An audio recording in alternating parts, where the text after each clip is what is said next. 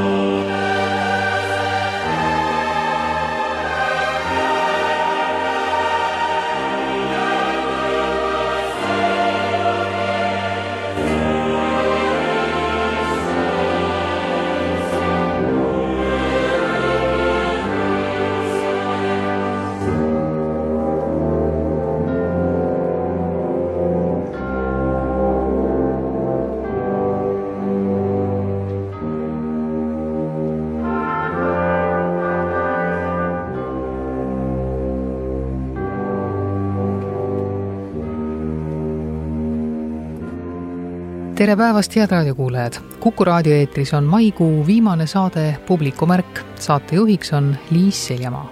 tänase saate juhatab muusikaliselt sisse Kirillus Kreegi Requiem, mida Kreegi päevade raames esitatakse täna õhtul Ridala Püha Maarja Magdalena kirikus. Kreegi päevad kestavad kolmanda juunini. saates tuleb juttu folkbändi Nagi Burger albumist pealkirjaga Erinevad maailmad. see album on välja antud kolmes jaos, esimene osa ilmus jaanuaris ja teine märtsis. sellel nädalal said ka teatrid taas alustada etendustegevusega ja lisaks juba varem mängukavas olevatele lavastustele toimus mööduva nädala jooksul ka kaheksa esietendust. üks nendest kannab pealkirja Tõde, selle autoriks on Florian Zeller ning näidend jõudis esietenduseni Elvas Lendteatris Ugala teatri suures saalis esietendus samal päeval vene kirjandusklassiku Nikolai Gogoli teemadel loodud sõprusest, armastusest, hullumeelsusest. selle lavastajaks on Kaili Viidas. Eesti Noorsooteatri väikeses saalis aga esietendus Muusika- ja Teatriakadeemia lavakunstikooli lavastaja tudengite bakalaureuse lavastus Kõige all ja kohal on lavaküpseks sai see kolmest lavastusest koosnev kassett juba jaanuaris, kuid avaliku esietenduseni jõuti alles nüüd. Saadet alustab aga intervjuu lavastusest, mis esietendus juba aasta alguses. kuivõrd seda esietenduse järgselt väga palju mängida ei saanud, mängitakse August Strindbergi näidendi Surmatantsu tõlgendust Rakvere teatris veel mitmel korral juunis. Tiina Mälberg on selles lavastuses Alice kui tihti on nende Rakvere teatris mängitud hooaegade jooksul Toomas Suumaniga abielupaari tulnud mängida? No vaat, oleks pidanud kokku lugema, pole õrna aimugi, ma arvan, et neid ikka on ja kui ei olegi olnud abielupaar, siis on mingisugused sellised muud lähedased suhted siiapoole, sinnapoole, aga eks neid vist on olnud. Tarvo Sõmeriga täpselt samamoodi, mina olen siin olnud juba kahekümne neljandat äh, hooaega, nii et olen ma mõlema härraga mänginud väga palju paare koos ja väga palju põnevaid töid teinud, nii et mingis mõttes muidugi ongi see, et ka näitlejatena, noh, me juba teame üksteist nii hästi või palju või põhjalikult, et me oleme näinud ka üksteise selliseid kasvamisi ja kriise, et tegelikult selle lavastuse puhul see suur õnn ongi see Veiko Õunpuu siin kõrval, tema töötab meiega esimest korda ja meie nagu tema jaoks olime nagu täiesti uued inimesed, nii et temal oli võimalus noh, leida meis kõigis midagi uut ja ka nendes meie nii-öelda omavahelistes suhetes ja ma arvan, et see on kõik ainult lavastusele kasuks tulnud. ta mitte ainult nagu filmilavastaja ei loonud lihtsalt sellist visuaalset tasapinnalist ruumi või pilti, vaid ta saigi selle kompositsiooni luua ikkagi täiesti sellise noh, nii-öelda ruumilise ruumilise ja see on ju väga teatraalne või, või teatrilik. ja teisest küljest kindlasti oli ta väga teatrilavastajalikult põhjalik selle teksti analüüsimise, uurimise ja, ja selle kaudu siis lavale paigutamisega, nii et ei saa küll kuidagi öelda, et see noh, nii-öelda teatrile tavapärane lähenemine, et eks ole, meil on valmis näitemäng ja siis me analüüsime seda ja toome lavale, et pigem ma näen, et vahel siin sellistel nii-öelda tavapärastel teatrilavastajatel ongi see võib-olla puudus, et nad seavad küll kenasti vahvasti selle teksti lavale ja orgaanilised näitlejad kannavad seda teksti arusaadavalt lava peal ette, aga neil tihtipeale jääb vaat see tervik, selline üldisem kompositsioon sinna ümber loomata, nii et seetõttu mina arvan, et, et võib-olla Veiko on siin nii mõnelegi nii-öelda jutumärkides tavalisele teatrilavastajale pigem eeskujuks no see, mismoodi lava välja näeb, minu meelest võib peegeldada küll väga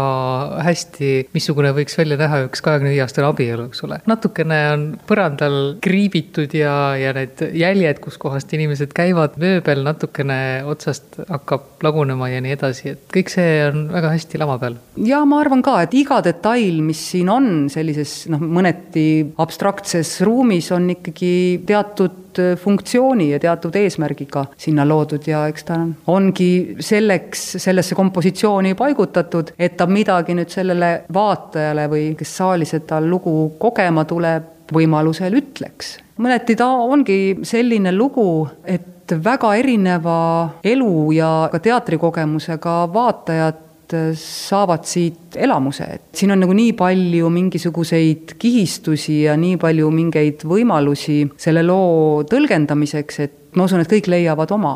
Noh, Strindberg, kuivõrd ta on ka Eesti publikule tuttav, küllap on teda ka loetud ja nii edasi, tema vaated paarisuhetele võivad muidugi tunduda tänasel päeval väga-väga tagurlikud, sünged, mis iganes suhtumised. see lavastus minu meelest on sellest nagu üle või et naistegelane Alice, ta ei tundu nii rõhutud olevat või et ta tegelikult naudib ka seda kahe mehe tähelepanu pööramist või? see ongi see, mis teeb sellise väärdramaturgia nagu ajas vastupidavaks, et kui me elu ja ühiskonnana muutume, liigume kuhugi edasi või, või jõuame mingisugustele järgmistele tasanditele, siis me saame jälle mingisuguseid selliseid materjale, nagu näiteks sedasama Strindbergi näidendit vaadata ka nagu teistsugusest positsioonist või meil oli proovisaalis olles idee või noh, minu enda üks suur teema on, on see, et mis on see võrdsus, noh, võrdsed on nad selles nii-öelda inimlikus tasandis või see inimene meie sees on tegelikult seesama. ainult et noh, nüüd ongi need vahendid, et kas mees kasutab mingisuguste tulemuste saavutamiseks mingisuguseid ühiskonnas aktsepteeritud mehelikke viise tegutsemiseks ja naine vastavalt siis kasutab mingisuguseid neid võtteid, mida tavapäraselt oletatakse naisi kasutavat või kuidas öelda, aga inimene seal sees on alati nagu võrdne ja mingis mõttes ka alati vaba, et lõppkokkuvõttes ei olene see soost mis hetkel keegi võib-olla on julm või jõhker või omakasupüüdlik, noh, või siis kõik need vastupidised õilis ja helde ja ma ei tea, suuremeelne on, siin on nagu palju selliseid mõisteid, noh, mida samamoodi ma arvan, et inimene saalis võiks nagu kaasa mõelda, mis on tõde, mis on vale. kui me räägime ka sellest sellisest umbes viiekümne aastasest inimesest, ma arvan, et kõik meist on kogenud seda, et me mäletame asju, mis olid viisteist aastat tagasi, kakskümmend viis aastat tagasi erinevalt. miks me seda teeme, miks me aeg-ajalt tahame nagu vägisi öelda, et see, kuidas mina mäletan või tahan mäletada, on tõde. ja kui tuleb keegi teine ja ütleb, et aga see ei ole ju üldsegi nii, et siis kas sa võtad selle vastu, no mida see sinus nagu tekitab, kas see lõhub täiesti nii-öelda maailmapildi või siis mitte? Ja noh, sealt, sealt ka edasi, et kes on nõrk, kes on tugev, ei maksa nendesse vastandlikesse mõistetesse eelarvamusega suhtuda, et nad võivad alati alati ühel teatud nii-öelda rakursi muutusel olla hoopiski vastupidised, nagu ma ütlen, et ma väga hindan seda, seda prooviprotsessi ja seda sellise lavastusterviku loomise perioodi. siin on hästi palju olnud sellist, kuidas ma ütlen, tasakaalu otsimist. ka selles ruumis, et kui näiteks kujutada nüüd ette selle lavapõranda alla üks selline koonus, kus see platvorm või tasapind, kus peal me liigume, et ta on ainult ühe punktiga nagu ühendatud või, või tasakaalus tasakaalus, siis eh, see kõik, mis nende inimeste ja, ja tegevuste ja ka nende asjade, mis seal ruumis on või ringi paiknevad, et kõige nende vahel kogu aeg nagu tasakaalu leida, selleks peab aeg-ajalt mingi suurema kaaluga asi paigutuma võib-olla teise kohta, kuhu jääb kergema või, või õrnema kaaluga asi, nii et noh, see on kõik mingisugune niisugune, või noh, minu jaoks vähemalt mingisugune niisugune võib-olla abstraktne mõttekäik, et kas see, et pealkirjast on surmatantsust saanud lihtsalt tants, tegi selle noh, võib-olla tänapäevasemaks või kergemaks või?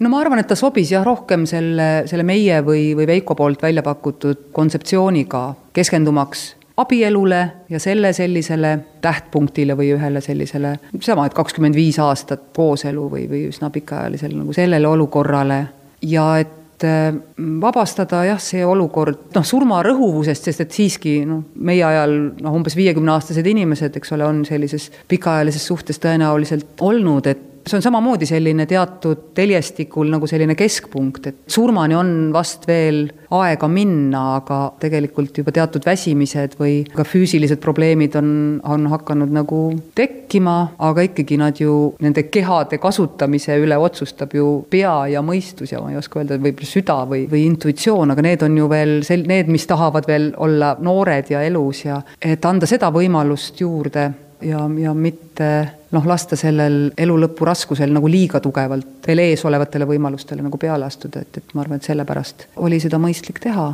sest et ega see surm selle elu seest ju nagu, nagu kuhugi ei kao ega ka selle tantsu seest. on ju tegelikult olemas ka kolmekümnese või, või kahekümne viie aastase puhul, aga täpselt samamoodi jagub ju, ju elurõõmu ja tahet, ma ei tea, aega tagasi pöörata või oma noorusest või positsioonist kinni hoida ka võib-olla seitsmekümneaastasel inimesel, et jah, rohkem minu jaoks noh, praegu need asjad kõik on kuidagi rohkem sellised, keskenduvad sellele keskpunktile või selliselt elavikule ja seetõttu see tants seal keskel on võib-olla sellisem kõige nagu täpsem või avatum mingis mõttes nagu mõlemale poole publikumärk.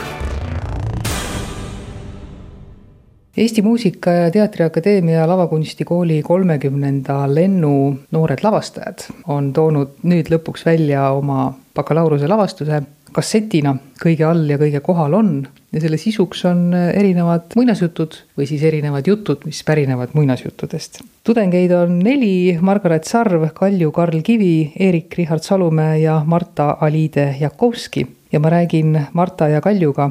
Marta lugu kannab pealkirja siis Moss, naine ja kakk ja Kalju on teinud loo pealkirjaga Alice. Nendest muinasjuttudest on saanud siis natuke teistsugused lavastused või? me alustasime seda protsessi siis nüüd eelmise aasta kevadel. jah, et ma jäin selle Mansirahva loo juurde, see lugu puudutas, puudutas kuidagi see just väikerahva käekäik ja samas mingisugune huumor selles seisus, kus me ise olime ka samal hetkel, kui oli pandeemia, et me olime ka justkui mingi väike rahvas, kes on kuidagi kinni oma ruumides ja, ja ei tea, kuidas üldse, kui me nüüd tuleme välja sellest olukorrast, et kuidas me üldse suudame inimestega suhelda ja, ja kuidas see elu edasi läheb ja selles mõttes ta andis nagu hästi mõnusa aluse selleks loominguks, et ühest küljest oli see olukord traagiline, aga seal on ka sees väga palju huumorit, mis siis just nagu väljendubki omavahelistel suhetel no Alice ei ole päris niisugune rahvajuttude muinasjutt, põhineb siiski Lewis Carrollil. Jah, koostöös dramaturgi äh, Roos-Lisette Parmasega me võtsime selle Alice'i loo nagu ette, aga meid eelkõige huvitas üldse siis äh, selle autori positsioon seal loos, ehk siis Lewis Carrolli enda kodaniku nimega siis Charles Dodgsoni lugu ja tema siis äh, suhe Alice'iga, kuna nad olid reaalselt eksisteerinud isikud ja siis me fantaseerisime sealt edasi ja proovisime ette kujutada, et kuidas see muinasjutt võis tekkida, kuidas neid mõlemat võis mõjutada ja kuhu see siis hüpoteetiliselt võis ka võib-olla välja jõuda. meie lavastuses näemegi mingisugust eh, taaskohtumist siis autori ja tema nii-öelda muusa vahel, et mis oleks, kui no natukene on seal ka autori kohtumine oma tegelastega, see on niisugune ja. võte ka, mida teatris ikka on kasutatud. Sellepärast tunduski, et see muinasjutt või siis see lugu, fantaasialugu sobib kuidagi teatrimeediumisse väga hästi, et me saame seal eh, luua mingeid eri tasandeid, mõõtmeid, et ta tundus hästi mänguline ja hästi huvitav kuidagi ise teha ja tundus ka huvitav vaatajale, et seal võib-olla on, mida nii-öelda kaasa võtta või midagi mõtlema panevat ka vaataja-kuulaja jaoks muinasjuttude puhul on ikka räägitud seda, et äh, väga paljud nendest muinasjuttudest on päris äh, jubedad või ütleme siis väga jubeda lõpuga vähemalt. Äh, ja tänapäeval ei hakkaks keegi niisuguseid muinasjutte võib-olla isegi nagu kirjutama, aga need lood, mis siin on, nad on kõik isegi seesama Moss naine ja kakk mis noh, just nagu ka sisaldab niisugust jubeduse elemente ja ütleme, pärineb rahvaste muinasjutust, kus need võivad olla päris õõvastavad lood. see seda küll üldsegi ei ole ja mulle meeldib selle jutu lõpp ka ei no see on huvitav, et tegelikult, kui me hakkasime seda protsessi tegema, mul on ka seal muusikaline kujundaja, muusikaautor Kirke Karja. Ja meil oli tegelikult väga otsinguline see protsess, sest tegelikult esialgu meil endal oli ka sihuke nagu natuke nagu õuduka atmosfäär või me katsetasime hästi palju, et oligi siuksed imelikud helid ja, ja proovisime erinevaid asju ja kuidagi läksime hästi füüsiliseks sest mul oli kogu aeg selline tunne, kui ma seda lugesin, et see on hästi tugev selline arktiline atmosfäär. aga see ongi huvitav, et järjest koomilisemaks ta nagu läks ja seal on samas see tõsiduse aspekt, aga tõesti, et me jällegi avasime läbi selle hoopis mingi vastandjõu. no teie õpetaja Levit Peterson, äh, tal ilmselt oligi selline plaan panna teid niisuguse asjaga tegelema? ja, ja tal oli jah see eesmärk, et ta on ise ka öelnud, et muinasjutt on just selline eriti noortele tudengitele väga hea materjal, et seal on, sa saad kasutada oma fantaasiat nii palju kui vähegi võimalik, kõik ära proovida. ta annab lihtsalt nii palju võimalusi, et seal nagu neid piire ei ole, aga samas need piirid tulevadki mingi hetk iseendal tekitada, aga et just, et ta on tõesti niivõrd fantaasiarohke ja teatri puhul on ka see, et miks me siis teatrit teeme, et mis vahendeid ma saan just läbi selle meediumi kasutada ja mulle tundub tegelikult teatril on lihtsalt tohutult palju võimalusi ja eriti muinasjutt võib-olla aitab siis välja tuua kõiki neid võimalusi või kuidas lugu jutustada.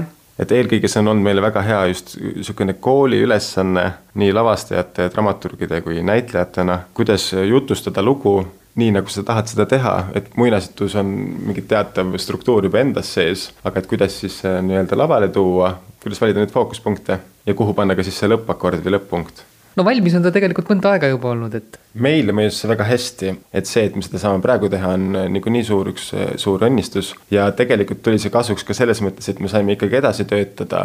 meil oli nii-öelda rohkem aega lasta neil mõtetel, ideedel settida ja siis tulles tagasi vaadata, et kas need peavad ka paika veel nüüd, et see lugu, mis me tahame jutustada, oleks selgem, lihtsam, konkreetsem, kuna õpilasena ikkagi on see tunne, et sa tahad panna kõik mis sa oled äh, nüüd õppinud ja kogenud, panna sinna ühte väiksesse lavastusse, et see tihtipeale ei ole kõige parem mõte. ja võib-olla see armuaeg, mis meil nüüd on, on olnud, ongi vähemalt minu jaoks olnud see, et ma olen saanud puhastada sealt välja seda algmõtet, mis meil oli, kui me valisime selle Alice'i loo üldse no minu jaoks ta on jälle olnud piinarikas selles mõttes, et eelmise aasta kevadel siis tegelikult minu jaoks sai see asi valmis, aga just siis mina jälle omakorda kogu aeg pidin nagu ka, kui ma ka vaatasin kõrvalt, et ahaa, teised lavastajad kogu aeg muudavad midagi, siis mõtlesin, äkki ikka ma pean ka midagi muutma ja lihtsalt, et nagu nii palju aega on selleks kõhkluseks ja kahtluseks teatris on ikkagi see publiku kohalolu mm -hmm. nii mhm. tähtis, et eks see igatsus selle ees, et tulla sellega nii-öelda välja või et tekiks ka siis see mõõde ja kontakt vaatajaga, et see igatsus on muidugi suur olnud mm. -hmm vist on noorsooteater või teater, kus mängitakse ka lastele ja noortele ka päris õige koht nende lavastuste väljatoomiseks. no igal juhul on teil igasugust abi olnud seal, rääkimata juba sellest, et valguskunstnik on noorsooteatrist see on meie esimene siis töö nii-öelda suuremas teatris lavastajatena, et varem on küll olnud diplomilavastus tulnud välja juba, kus me oleme siis näitlejatena osalenud. Ja Noorsooteatri poolt me oleme saanud valgusabi, heliabi, me oleme saanud neid ruume, me oleme saanud seal Black Boxis olla, et nad on toetanud meid, eriti just sellel raskel ajal, kus teatrid on väga raskes seisukorras ja kindlasti ei ole ka see neile kerge. Et see on hästi tore jah, mulle tundub ka, et just see noore inimese usaldamine, et seda on hästi tugevalt tegelikult tajuda olnud, et on tõesti öeldud, et tulge tehke, noored. et ma saan aru, et tihti võib tekkida ka selline tunne, et need noored tulevad, ei tea, kahtlane ikka mingit kvaliteedimärki võib-olla kohe ei saa peale panna ja nii edasi. noorsooteatris on olnud just hästi tugev selline nagu toetav vaim, kui tõesti kogu see trupp, eks ole, Mikk, kes seal on, kes tegeleb meil heliga ja samamoodi siis Targo, et hästi mõnus sihuke soe atmosfäär ja sihuke otsinguline on olnud kogu see protsess, et selle eest küll suur tänu. publikumärk Nikolai Gogol on autor, keda ikka aeg-ajalt Eesti teatrites lavastatakse, võib-olla viimasel ajal mitte nüüd nii tihti, aga vene kirjandusklassika lisaks vene teatriklassikale on küll see, mida heal meelel lavale tuuakse. Ugalas esietendunud sõprusest, armastusest ja hullumeelsusest on lavastanud Kaili Viidas koostöö taas Ott Kiluskiga, kes on äh, selle dramaturg no need kolm lugu võib ju siduda ühtseks tervikuks, aga tegelikult on nad kõik kolm eraldi lugu. mis on see, mis just nende lugude puhul sind paelus ja mis nad niimoodi koos ühes lavastuses lavale tõi? Nad on ühtaegu väga erinevad aga teist poolt tõesti, nagu sa ütlesid, seal on see üldistusvõimalus on väga tugevalt olemas, sest et Gogol ju tegeleb puhtalt sellise väikese inimesega ja tema suurte unistustega või nagu soovidega olla iseendast nagu suurem või endast üle. no esimene lugu, mis see sõprusest on, et kuidas Ivan Ivanovitš läks tülli Ivan Nikiforovitšiga, ta on juba lugedes niivõrd nagu teatraalne, et sellest on tehtud filme ja kuuldemänge ja teda on teatris enne tehtud, et ta on selline nii mänguline, ta on niisugune täielik totrus nii-öelda grotesk kuubis, hästi mahlane dialoog, hästi mahlased situatsioonid, et nad lähevad täielikku absurdi oma tülis või väikestes nagu soovides või väiksest asjast kasvab tohutu nagu tüli, kohtu case'id, asjad, et hakatakse seadusi muutma kuni kohtu enda kohtusse kaebamisega ja noh, ja see kestab nagu siis lõpuks ilmselt põlvkondi. ta on nii naljakalt juba kirjutatud, ta on nii inspireeriv ja et no see oli esimene nagu novell ka, mis ma nagu Google'ilt lugesin ja see jäi kohe mulle nagu kuidagi nagu südamesse. aga näiteks see on Nevski prospekt, mis on siis armastusest. no see on selline novell jällegi, mida vaatad ja loed ja mõtled, et seda vist lavale panna ei ole võimalik, et noh, ta on nagu nii atmosfääriga, et nii tugev tugeva sellise nagu atmosfääri tunnetusega, see Nevski prospekt on ju, Peterburi linna peatänav on seal nii selline keskne nagu tegelane justkui, et lavastusse ta ongi jõudnud tegelasena justkui, keda Peeter Jürgens kehastab, et no Peeter ise naeris ka, et ta ilmselt on ainuke näitleja Eestis, võib-olla isegi maailmas, kes on mänginud tänavat. kuidas ma ütlen, need suured tunded või see, et mismoodi inimeste soovid nagu ei vasta reaalsusele, on nagu nii hea teema, kuidas elatakse üle oma emotsionaalsete võimete. sa tahad midagi nii väga ja sa ei küsi kas teine ka seda tahab, et see soov nagu saada rohkem, kui sa ise nagu valmis oled, et see oli nagu nii paeluv. Ja selle teise loo Ott kirjutas üsna napi. See võltsarmastuse eskaleerumine nii-ütelda, et noh, ta on niisugune naeruvääristab sellist nagu välist armastust, millel ei ole nagu niisugust põhja all või. ja kolmas on nüüd Oti valik, see hullumeelsusest ehk siis hullumeelse päevik. Ja kuidagi nad kolm tükki nagu koos, nad moodustavad mingisuguse ühtse sihukese nagu tunnetuse minu jaoks, et esimene on nagu justkui külajandikene, just vanaaegne natukene või nagu niisugune nagu hääbunud asi, on niisugune suurlinna niisugune virvarr ja ihalemine surmapattude järele nagu nui neljaks, ma pean selle surmapatu kätte saama, et siis ma olen õnnelik umbes. Ja siis see kolmas nagu läheb siis niisuguste metafüüsiliste ja hingemaastike ja selliste nagu psühholoogilise pinna peale, et ta nagu poeb sinna inimese pähe hoopistükkis, et ta südamele, peale ja hingele kuidagi nagu niisugune, tekib mingisugune püha kolmainsus nii-öelda tekib nendest kolmest minilavastusest minu jaoks. no natukene mulle tuletas meelde võib-olla inimestele, kes on näinud sinu lavastatud Saarsaalt Taani, et mõned niisugused karakterid kuidagi olid tuttavad. loomulikult on lavastajal mingi oma käekiri ja midagi, mida ta otsib, siin ma olen üritanud nagu neid natuke nagu lahku viia, neid ideid. kindlasti ta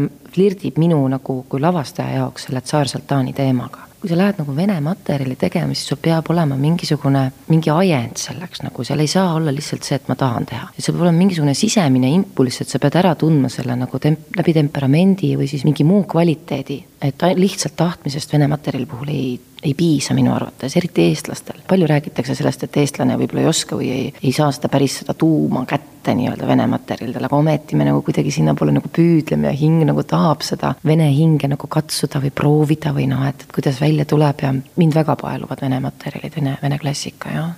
Praegu on selline aeg, kui nalja oleks nagu vaja teha või huumorit oleks vaja teha, aga kole raske on, me ei julge enam tihtipeale teha, me kardame kedagi solvata, vahest põhjusega, aga rohkem nagu ilma põhjuseta täiesti jah, on küll hästi kurb aeg on mõnes mõttes, et inimene nagu no, kui ta iseenda üle ka ei, ei oska enam naerda või ei julge naerda või noh, et võetakse maru tõsiselt kõiki kommentaare või nagu. ma olen ise olnud eluaeg suur solvuja tegelikult, et siis mul on nagu hea nagu endal nagu õppetund või iseennast kogu aeg õpetad nagu läbi selle, see on hästi kurb naer on inimese üks põhi nagu tunnuseid, mis meid eristab võib-olla nagu teistest elusatest liikidest, nii me arvame vähemalt, noh, sõnaline huumor eriti ilmselt. paraku on jah see, et, et me ei saa sellest aru, et huumori piiramine on samasugune nagu sõnavabaduse piiramine tegelikkuses. mul on kahju üldiselt jah vaadata, et inimesed ei, nagu ei mõista nalja tegelikult või et, et võetakse seda kuidagi isiklikult no need lood võib öelda lähevad humoorikamast tõsisema poole. jah, et ta hakkab nagu jandilikult peale ja ta läheb ja läheb ja läheb ja läheb ja siis sa nagu vahepeal naerad ja siis sa saad aru, et issand, aga mida ma siin naeran üldse. ja nagu jõuabki kohale, et naerv ei saa olla, kui sealpool ei ole kurbust. vastupidi ka. ja vastupidi ka just, et tragöödia saab väga naljakas olla, teine lugu on ju kohutav tragöödia, aga väga must huumor nii-öelda tuleb seal vahepeal välja. Ugalas lavastamine, kas sa oled seda teinud enne? Ei, see on minu esmakohtumine Ugala trupiga. väga niisugune huvitav trupp on, et nad koosnevad väga tugevatest ja erilistest isiksustest. no kui samal ajal valmis kaks esietendust, et siis oli näitlejaid võtta nii palju, et sinu ansambel on ka päris suur on jah, et üldse see materjali valik ju tuli niimoodi, et Tanel Joonas ütles mulle, et tal on üks vaba lavastamise aeg nii-öelda, et kas ma tahaksin midagi teha, kas mul on mingeid mõtteid. ja siis, kui ma nagu jõudsin selleni, et tahaks Google'it, siis ma sain aru, et ei, mul on neid kõiki vaja mul jääb puudu isegi koreograaf ise astus lavale, inspitsient astus lavale veel on ju, et inspitsient ju teeb jumal, Aili Nohrin teeb siin ju ikka rollid. Kolm rolli teeb ta, ta mitte niisama, väga suur koormus oli tal tegelikult, et nii tantsida kui näidelda, kui rekvisiiti teha, kui inspitsendi tööd, et selles mõttes jah, et, et need oli vaja juurde võtta jah, et jäi puudu kolmevaatuselisi näidendeid ka väga tihti enam ei lavastata, et üritatakse ikka kahe vaatusega läbi ajada. ma tunnistan, et see on nagu päris suur amps nagu võtta või see ülesanne oli nagu kindlasti suurem, kui ma valmis olin. Ja ma ütlen ausalt, et kui tavaliselt on nagu noh, nelikümmend proovi on nagu see miinimum, millega peab hakkama saama, aga sellel tükil oli kaheksakümmend proovi. Noh, osa proove oli loomulikult tingitud sellest koroonaaegsest nii-öelda edasilükkamisest edasilükkamisest edasilükkamisest. võib-olla tükk on natuke ka üle töötatud, ütleme niimoodi mõnes mõttes nagu no, väga küpseks on saanud, et nagu nii suur nälg oli publiku järel, et kaua sa proovid seda niimoodi, et noh, kuidagi see proovides tekkis mingi teatav väsimus läbi selle, et ei teki nagu seda uut kvaliteeti juurde, kui ei teki nagu seda energiavahetust saali ja siis lava vahel, siis nagu ta ei jõua järgmisele tasandile. see publik on vajalik teatris, et sellepärast seal nii palju proove oligi ja publikumärk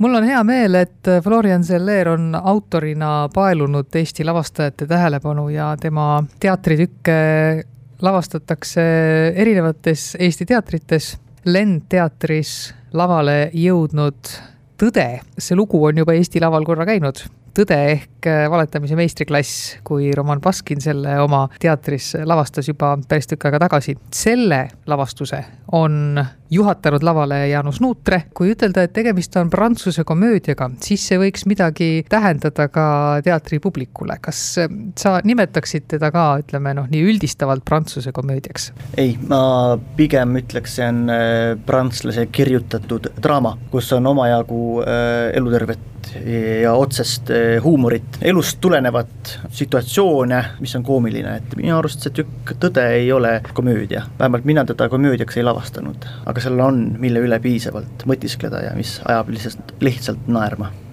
Nojah, selliseid äh, naermise kohti on seal ju küll ja iseenesest teema ka, üks mees noh, oma eluvalikuid tehes ühel hetkel avastab, et ta peab kõikidele kuidagi luiskama ja see iseenesest juba annab niisuguse koomikavõtme kätte. jaa, ei, seda küll igal juhul ja, ja me analüüsides seda tegelast siis saime aru, et ega see ei ole nüüd nüüd ja äkki tulnud äh, hädavale, vaid see on, äh, ongi selline persoon, kes ennast võib-olla tõmbabki nendesse situatsioonidesse, et tal oleks võimalus äh, teinekord luisata ja valetada ja kuidas sealt siis välja keerutada no ühtlasi räägib see sellest ka, et kui inimesed on ähm, jõudnud noh, ütleme teatud vanusesse ja võib-olla nende lapsed ei vaja enam nii palju hoolt, kui nad äh, seda varem vajasid, et äh, siis mulle näib, et paari suhtes võib tihtipeale hakata igav või, või leitakse, et kes see inimene on, kes mu kõrval on? tõepoolest, muidugi jah, mina mm, noor abielumees eh, veidi üle aasta, loodan, et ei koge veel seda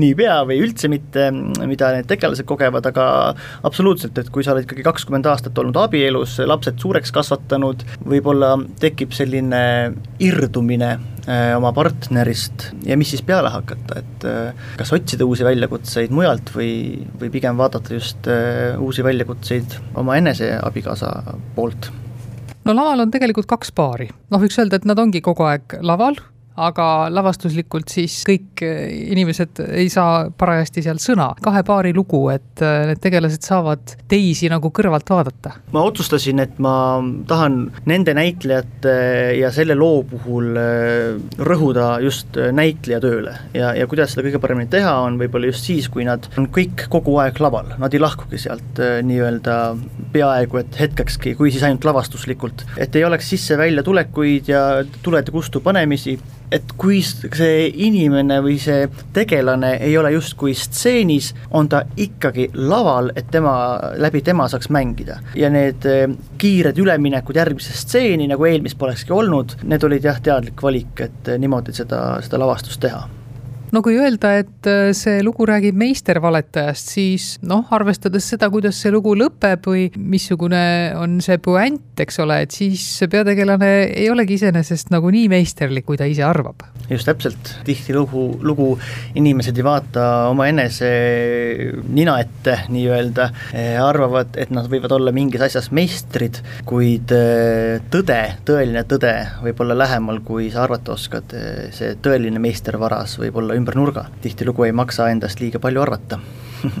Moraal on alati niisuguste lugude puhul ka, et eh, ega valetamisega väga kaugele ei jõua. just täpselt, valel on eh, lühikesed jalad ja kui ta ei tule kohe välja, tuleb ta mõne aja pärast välja niikuinii. nii kui sa ütlesid, et see ei ole niisugune stereotüüpne prantsuse komöödia, kas see on siis ikkagi nagu prantslaslik lugu? kindlasti, mina arvan, et see on kindlasti prantslaslik lugu ja ma ei tea, kas meelevaldselt või mitte, aga mina mina liigitasin ta tragikomöödiaks ikkagi, draamast tulenev komöödia. Kindlasti vaatajale prantslaslikku võib-olla mõttelaadi ja elu kirjeldav lugu. Kindlasti lavatükk, kus sul ei hakka igav, sellepärast et seal on mingi hetk vähemalt või ma arvan, et rohkem kui mingi hetk äratundmisrõõmu või, või siis kurbust, oleneb, kas see on sinuga endaga juhtunud või kellegi sinu tuttavaga juhtunud. et siis mõtled selle peale ka, et ahaa, et võib-olla mul on endal ka, ütleme, midagi vajab korrigeerimist minu käitumises? just, just, täpselt sa oled lavastajana töötanud noh, ennegi väikeste truppidega, ütleme nii, ja ka mitteprofessionaalidega, et kuidas koostöö Lendteatriga sujus? oi, väga hästi, tõesti väga hästi, ma olen, kui ma lavakunstikooli äh, lõpetasin õigemini viimase lennu viimane veerand, tegin äh, ühe lavastuse siis äh, Mrožiki suvepäeva Salme teatriga, ka harrastajatega. Ja see oli äärmiselt põnev protsess, tihtilugu on võib-olla proffnäitlejad teatud sellises tsoonis, et ma tean küll, kuidas, või et ahah, kurbus oli ju nii ma lähen sellega peale. Või vastupidi, rõõm. Siis harrastajate puhul nad võtavad kõike vastu, mis sa pakud, see ei ole nii väga isegi ainult lavastamine kui arendamine. ja, ja kui sa arendad kedagi teist, siis see arendab ka sind. ma olen kuskil intervjuus kunagi öelnud, et, et ma soovitaks kõikidel lavastajatel kunagi teha, teha koostööd äh, harrastajatega. kas või niimoodi, et sul on äh, teatud äh, rollid proffidega ja teatud rollid harrastajatega, aga see annab sulle endale ka tegelikult rohkem juurde, kui sa võid arvata kuidas sinu teed Lendteatriga üldse ristusid? kusjuures seesama suvepäev, mis võitis siin eelmine aasta või millal see oli, see harrastusteatrite vabariiklik suur festival, võitis mu lavastus seal Grand Prix ja seda pandi seal tähele Lendteatri inimeste poolt, see pakkus neile suurt rõõmu ja pinget ja nad tahtsid, et see lavastaja, kes selle suvepäeva lavastaks, tuleks ka nende teatrisse lavastama, et see on selline otsene tee minul Lendteatrisse. trupp jah, need inimesed, kes mul oli saada, nendega ma sain proove teha äh, ükskõik mis ajal põhimõtteliselt, ma ei pidanud selleks, et nad on harrastajad, nad on päevatööl, et me saame nendega kokku õhtul. ma, saime kokku teisipäeval kell üksteist ja lõpetasime kell kuus õhtul. et äh, neil oli aega panustada sellesse protsessi ja, ja sealt ka need valikud ja Mikksügisega ma olen ka varem ühe korra lava jaganud, kus ma teda varasemalt siis teadsin, oli Hamletis, kus ma mängisin püstolit kiiresti Jaan Toominga lavastatud Hamletis ja oli vaja püstolit teha ja seal ma jagasin lava Mikuga ja seal me olime varasemalt tuttavad, et väga võõrad nad ka ei olnud mulle minu jaoks vähemalt võin käsi, käe panna südamele ja öelda, et võrdsed partnerid on laval. Ja see on äärmiselt oluline, kui sul on tegelikult üks kandev roll, kelle ümber kogu see puänt siis võib-olla või see tegevus siis tiirleb, siis sul peab olema tugevad kaaslased laval, et kuidas sa mängid kuningat, eks ikka nii, et teised mängivad sind. ja, ja kui, kui need partnerid ei suuda sulle alla mängida, siis jääb ka sinu nii-öelda see peategelase osa nagu peenikeseks. Ja minu arust on sattunud äh, äärmiselt head sõbrad, Äh, lavale, aga, aga äärmiselt tasavägised partnerid, ma tõesti olen rahul. tulles tagasi selle näidete pealkirja juurde, Tõde, mis on Selleril ka originaalpealkiri, siis noh, eks tõde on äh, teinekord just nimelt selline, nagu seda on lastud meile paista. see lugu on äh, väga ehtne näide sellest ja, ja, ja no kuidas see näidend seal lõpeb, et ainult tõde on tõeline. ma arvan, et sellega saab hästi selle kokku võtta publikumärk folkbänd Nagi Bögö avaldas viimase osa oma albumist Erinevad maailmad. sellele on siis nüüd kokku saanud kaksteist laulu ja instrumentaalpala ja ütleme siin kevad-talvest alates juba on need äh, uued lood äh, kuulajateni jõudnud. flööti mängib selles bändis Katariina Tirmaste. no see on tegelikult tore, et seda albumit saab nagu niimoodi pikemalt tutvustada juba ja inimestele kuulata anda, aga kas äh, see plaat on valminud natukene teisiti kui teie debüütalbum? haudumisprotsess on olnud pikem aga see eeltöö on äh, siiski suhteliselt sarnane olnud. võib-olla need lood on nagu kauem oodanud oma aega, et saada plaadile ja siis välja antud ja nii, aga selline salvestamine oli ikka, ikka suhteliselt sarnane protsess kui eelmise plaadigi puhul. no kui nüüd kuidagi panna ikkagi mingit märki külge või et küsida, et noh, mis muusikat te siis teete, et te olete nimetanud ennast ikkagi folkbändiks, aga kui albumis on niisugune indie-popilik suund, et kumb praegu nagu domineerib loomingus? ma arvan, et äh, sellest oma loomingu poolest tuleb see indie-popi suund, aga kuna suur osa meie bändist on siiski pärimusmuusika taustaga, siis seda ei saa kunagi sealt ära võtta. me mõjutame mõlemast no indie-pop on ka nagu pärimus, natukene uuem pärimus. osalt küll ja, ja, ja, ja.. no räägime nendest paladest, noh, ütleme viimane oli siin äh, Kaunim kahekesi ja seal oli muusikavideo ja. ka muusikavideoga ja, ja., jaa, see annab kuidagi nagu teise või võimaluse kuidagi teise nurga alt jutustada seda lugu peale muusika ka.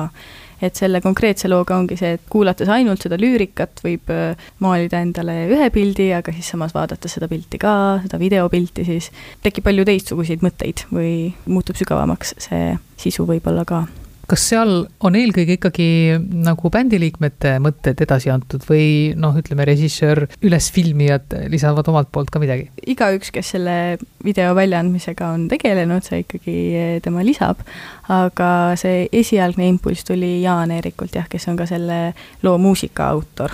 mingisugune mõte, mida edasi anda justkui jah, et see tuli tema poolt jah ja uuemad lood siis Torupilli lugu Vambola Nachos. Vambola Nachos, jah. toreda pealkirjaga kodu poole, kulla poole ja albumi nimilugu ka Erinevad maailmad, need on nüüd kõige värskemad. Need on kõige värskemad. selle plaadi pealt. kas äh, neid niimoodi jupikaupa avalikuks tuua lastes on ka mingi oma strateegia, et selle loo paneme kõige enne ja selle nüüd jätame nüüd nagu viimaseks? jaa, need kolm osa on väga tugevalt seotud sellega, mis ajal nad on ka välja tulnud, et noh, et selline talvine, kevadine ja siis nüüd see suvine. ja me kuidagi seadsime nad niimoodi, et nad sobiksid äh, just täpselt sellesse hetke, aga samas ka tervikuks kokku kas seal on ka see, et aeg läheb edasi, suvi läheneb, et siis bänd mõtleb ka juba selle peale, kuidas saab kontserte hakata andma, et siis need äh, lood natukene on sellised, kuidas me need kontserdil esitame? ja, ja, ja eks see selline festivali vibe tuleb selle kolmanda osaga võib-olla kõige paremini välja, jah. no bänd on tegelikult võrdlemisi noor ju. no praegusel hetkel ütleks küll, et, äh, et näeme pigem pikemaajalise bändina seda, et me oleme juba enne seda, kui me üldse koos mängisime, oleme olnud ka selline sõpruskond või noh, tundnud üksteist suhteliselt hästi. et see bändi tegevus kuidagi on meid kõiki nagu liitnud äh, veel rohkem ja saanud selleks ühiseks tegevuseks, kuidas siis nagu saada kokku ka sellisel ajal, kus ei ole võib-olla võimalik nii kergesti kokku saada või elud iseenesest on läinud erinevaks sest te ei ela ühes kohas? me ei ela ühes kohas jaa. meil on äh, Tallinnas ja Tartus ja Paikusel seal äh, Pärnu kandis on, äh, elavad meie liikmed. kus te proove teete?